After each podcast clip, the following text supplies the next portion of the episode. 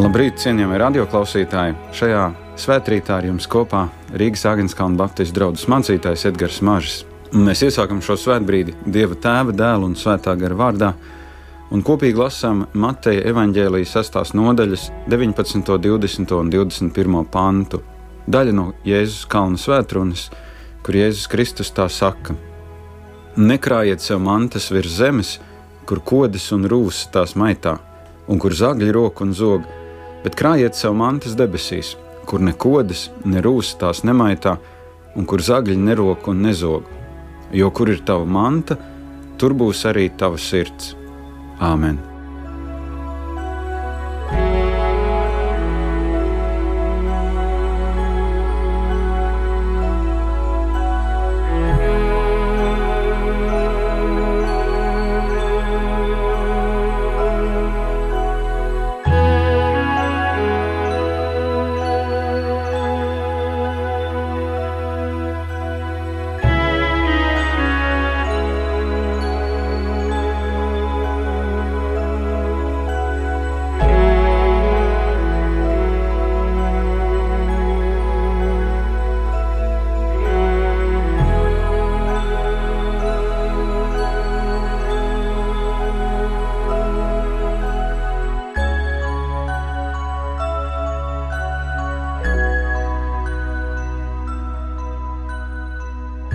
Ir cilvēki, kuriem patīk paturēt šķietami nevajadzīgas lietas.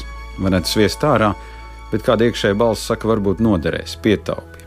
Var saprast cilvēkus, kuri dzīvojuši grūtos laikos, kad nebija praktiski nekā, kad bija bats, kad bija jāizdzīvo ar to, ko izdevās atrast vai kas bija pie rokas.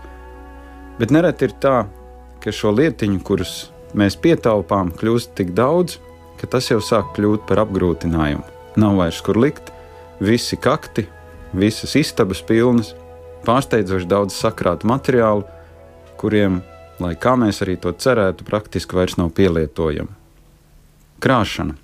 Daudz pazīst dzējolīti, kas skan tā. No aizlaikiem šis zināms visiem, bez iebildēm un kompromisiem, ko krāj un taupa taupītājs, to labprāt atņem laupītājs. Var visu mūžu krāt un taupīt, bāzt labumus iekš ankambara, jo vairāk krāts, jo vairāk laupīt būs kārums tiem, kam burlak var. Bet par krāšanu mēs esam tikuši mācīti no mazotnes. Krēkasīta bērnībā, kur tiek ielikta maza naudiņa, kabatas nauda, pirmā nopelnītā nauda. Un cits ir taupīgāks, cits izšķērdīgāks. Taupīgajam ir briesmas kļūt skopam, izšķērdīgajam ir briesmas kļūt nabagam. Bet ko tad Jēzus mums māca par mantu un naudu? Tā pirmā lieta - esi uzmanīgs ar mantas krāšanu. Nekrājiet savu mantas virs zemes, kur kodas un rūsas tās maitā, un kur zagļi roku un zog. Pirmajā brīdī šķiet, ka Jēzus pasaka kaut ko neloģisku. Kāpēc nekrāt mantu? Kā tad lai dzīvo, ja nekrāj? Vai vispār ir iespējams kaut ko lielu nopirkt, ja nauda netiek krāta? Pagātnē cilvēki krāja naudu gadiem, lai varētu nopirkt automašīnu vai dzīvokli. Kāpēc Jēzus ir tik strikts domājot par mantu? Kādā citā reizē Jēzus stāstīja stāstu, kuru varētu nosaukt par stāstu par bagāto muļķi. Tur bija kāds vīrs, kas tik daudz bija sakrājis, ka viņam vairs tiešām nepietika vietas, kur sakrāt to glabāt, un, tad viņš sev teica: Es uzcelšu jaunus šķūņus, un tad, lai man dvēsele atpūšās un priecājās. Un šis stāsts noslēgums bija ļoti negatīvs, pat teiktu, traģisks, jo Dievs sacīja, šajā naktī es atprasīšu tavu dvēseli. Jo citiem vārdiem sakot, tu nomirsi, kam tad paliks tas, ko tu esi sakrājis? Un šis stāsts noslēdzas ar pamācību, brīdinājumu. Tā iet cilvēkam, kurš nav bagāts dievā, kurš krāj mantu, bet nav bagāts dievā. Kad mēs lasām jauno derību, tad mēs redzam, ka manta pati par sevi jau nav slikta. Problēma, kāda ir mūsu attieksme. Apstults Pāvils vēstulē Timotejam saka, bet kas grib iedzīvoties bagātībā, tie krīt kārdināšanā, lamatās un daudzās bezprātīgās un kaitīgās iegribās. Tas viss iegrūž cilvēku postā un pazušanā, jo visu ļaunumu sakne ir mantkārība. Bet vai tad krāšana vienmēr noved pie mantkārības, vai nav iespējama labā krāšana? Ir gan, un tāda krāšana ir pat vajadzīga mūsu dzīvē. Bet iekāra pēc mantas ir līdzīga apsēstībai, kad manta kļūst svarīgāka par savstarpējām attiecībām, kad mēs sākam attaisnot savu darba holismu kā nepieciešamību, lai labāk dzīvotu. Mums šķiet, ka mums vajag jaunas mēbeles, jaunu datoru, jaunu televizoru, jaunu apģērbu, jaunu mašīnu, un, lai to sasniegtu, ir jākrāj, un tad tik bieži ir problēma, kur lai sakrāt to lieku. Senajā pasaulē zagļi bieži izraka ālu, pa kuru iekļuva mājā un nozaga cilvēka bagātības. Citi tajā laikā mēģināja slēpt savus iekrājumus zemē, bet tie bieži vai nu sarūsēja vai sapelēja. Un mantai ir vēl kaut kas nevisai patīkams, to nevar paņemt līdzi pēc nāves. Un nereti, kad cilvēks ir miris, tuvinieki nespēja vienoties, kā sadalīt mantu. Jēzus brīdina no situācijām, kad mantas krāšana kļūst par savu veidu atkarību. Ja tiek krāta manta, tā ir arī jāsargā.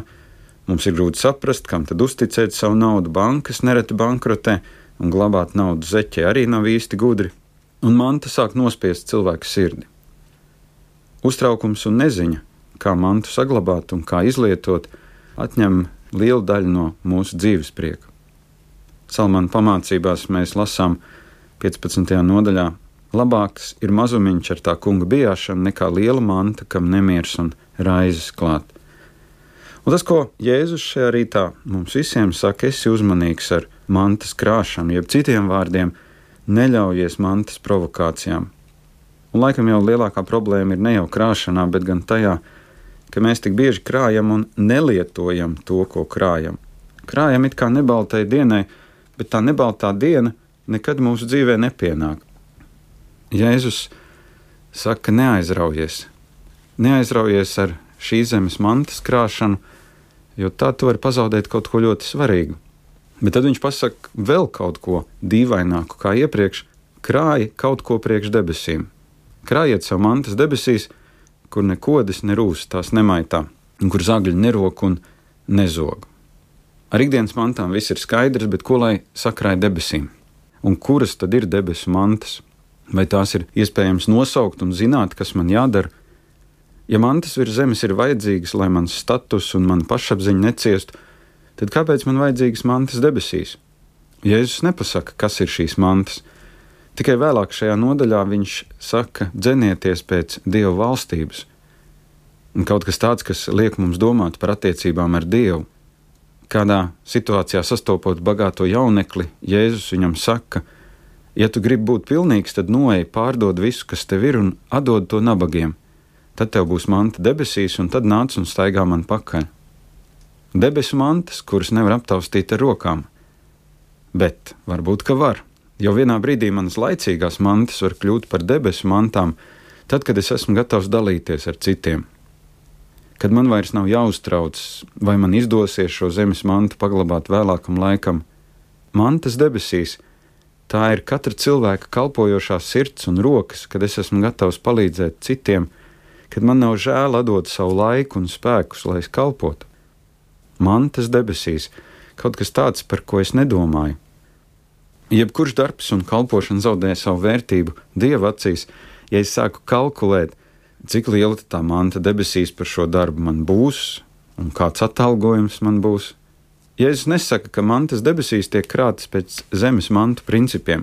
Ja zemes mantas bieži tiek glabātas un citam nedodam, tad mantas debesīs ir saistītas ar dalīšanos, ar radošanu, ar kādas lietas atraisīšanu, ka tā vairs mani neapgrūtina. Paradoxāli, šis bagātais jauneklis, kuru Jēzus uzlūkoja, varēja iegūt mantu debesīs, pārdodot savas bagātības, bet to bija tik grūti izdarīt, un viņš šķiet arī to neizdarīja. Un tad ir jādomā par to, no kā es esmu gatavs atsacīties, kuras ir tās mantas, no kurām man būtu jāatbrīvojas. Un reizē tas ir arī jautājums par katra cilvēka garīgo izaugsmi. Cik viegli vai grūti man ir cīnīties pret materiālismu un mantas kultu, kas ienāk sabiedrībā. Kā tas man ietekmē? Vai es spēju šim lielajam kārdinājumam pretoties? Apstults Pāvils, turpinot pārdomas par mantas kārību, saka, liels ieguvums ir dievbijība ar pieticību, jo mēs neko neesam ienesuši šajā pasaulē, un neko nevaram arī iznest, ja vien ir iztika un apģērbs, ar to mums būs diezgan. Dievbijība un pieticība vai pietiekamība, un tas rada vidi, lai mēs krātu mantas debesīs. Mantas, kuras neviens nevar mums atņemt vai nozagt. Bet galu galā tas viss ir saistīts ar manu un tavu sirdi. Un Jēzus saka arī trešo lietu. Atcerieties, viņš teica, esi uzmanīgs ar mantas krāšanu, tad krāj kaut ko priekš debesīm, un visbeidzot neapgrūtini sirdi ar mantu. Jo kur ir tava manta, tur būs arī tava sirds.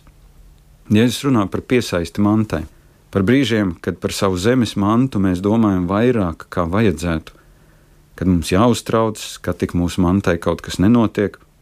Mana sirds var būt tik ļoti saistīta ar kādām materiālām lietām, pat ar pārtiku, kuru man vajadzīga augstākā labuma, jo redziet, es to varu atļauties. Jēzus parāda, ka izmaiņai jāsākas mūsu sirdī. Kamēr tā domās par augstiem dzīves standartiem, kamēr mēs žēlosimies, kāpēc nevaram dzīvot tā, kā gribētos, nekas iedzīgs nesanāks. Bet tad, kad mainās mans sirds, mainās mans skats uz mantu. Ne tāpēc, ka man tā vairs nebūtu vajadzīga, bet gan tāpēc, ka es dzīvoju šai dienai, un man nav jāsāk uztraukties par to, kas vēl tikai būs rīt, bet jāmācās dzīvot gudri, daudz gudrāk kā šis bagātnieks, par kuru jau domājām, un Jēzus arī kādā citā vietā brīdina: Sargieties, ka jūsu sirdis netop apgrūtinātas no vīna skurbuma un reibuma, un laicīgām rūpēm, ka šī diena, Kristus atnākšanas diena, jums piepieši neuzbrūk. Kur atrodas mana manta? Vai mana sirds jūsmo par mantām, kas reiz nodils un izzudīs? Droši vien, kādu laiku mēs priecājamies, un tad tas prieks kaut kur pazūd. Bet varbūt svētais garš šajā rītā aicina mainīt mūsu katra attieksmi pret lietām un mantām. Ar ko tad īsti lai sāk? Mēs varam teikt, ir manta, kur izzūd, un manta, kur neizzūd. Un Jēzus saka, ka mums jāmācās dzīvot tā, lai šīs zemes mantas nekļūtu tik lielas, ka tās aizsektu debesis. Svētais Antonijs ir sacījis: Bagātie grūti ieies debesu valstībā. Ne nedzīvās pasaulīgās mantas pašas dēļ, kas te paliek kā tukšas nastas, bet gan tādēļ, ka šī nasta ir kavējusi meklēt mūžīgo. Lai Dievs dod mums gudrību un spēku pareizi lietot šīs zemes mantas, ka tās kļūst par mantām, kas tiek krātas debesīs. Ka tajos brīžos, kad mūsu sirds ir tik ļoti saistīta ar mantām, mēs nākot pie Kristus varam lūgt: Kungs, dari mani brīvu, dari manu sirdi brīvu, ka es esmu brīvs, dot un aizdot, dot un atdot un dzīvot par svētību saviem līdzcilvēkiem. Āmen!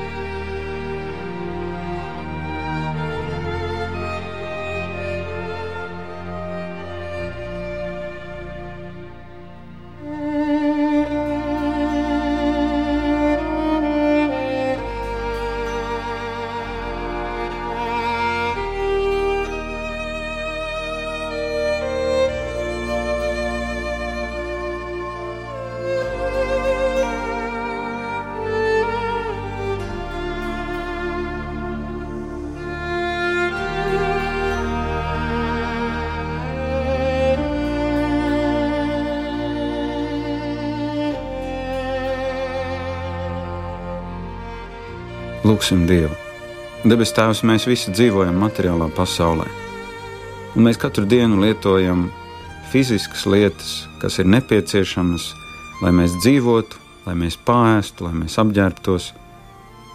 Kungs, Dievs, bet laikam ejot, mēs nereti sev pieķeram pie izjūtas, ka manta ir kļuvusi svarīgāka par cilvēkiem, ka manta sāk sašķelt mūsu ģimenes, un ka manta bieži vien ir nostājusies starp cilvēku un dievu. Debes Tēvs pasargi mūs no mantakārības. Tu redzi tos brīžus, kad mēs nespējam pretoties šim kārdinājumam. Mēs lūdzam Dievs, lai tie cilvēki, kuriem Tu esi devis, kurus Tu esi svētījis ar mantu, ka viņi varētu dzīvot ar sirdi, kas dalās, kas dod, kas palīdz, un ne tikai viņi, ik viens no mums, jo katram no mums Tu kaut ko esi devis. Kungs, Dievs, šajā svētdienā mēs lūdzam par savu valsti, par savas valsts vadītājiem, par visiem, kas augstā amatā. Mēs lūdzam Dievs, dari mūsu sirdis tādas, ka mēs varam raudzīties viens uz otru nevis caur mantu prizmu, nevis caur to, cik nopelnam vai kas ir mugurā, bet gan uzlūkot savu līdzcilvēku, kā tavā līdzībā radītu. Kungs, Jēzu, palīdz mums dzīvot un krāt mantas debesīs. Mēs kopīgi tevi tā lūdzam, kā tu, Kungs, Kristus, mūs mācīs lūgt. Mūsu Tēvs debesīs, svētīts lai top tavs vārds, lai nāk tava valstība, tavs prāts, lai notiek kā debesīs, tā arī virs zemes. Mūsu dienascho maizi dod mums šodien, un piedodi mums mūsu parādus, kā arī mēs piedodam saviem parādniekiem. Un neieved mūsu kārdināšanā, bet atpestī mūs no ļauna, jo tev pieder valstība, spēks un gods mūžīgi mūžos. Āmen!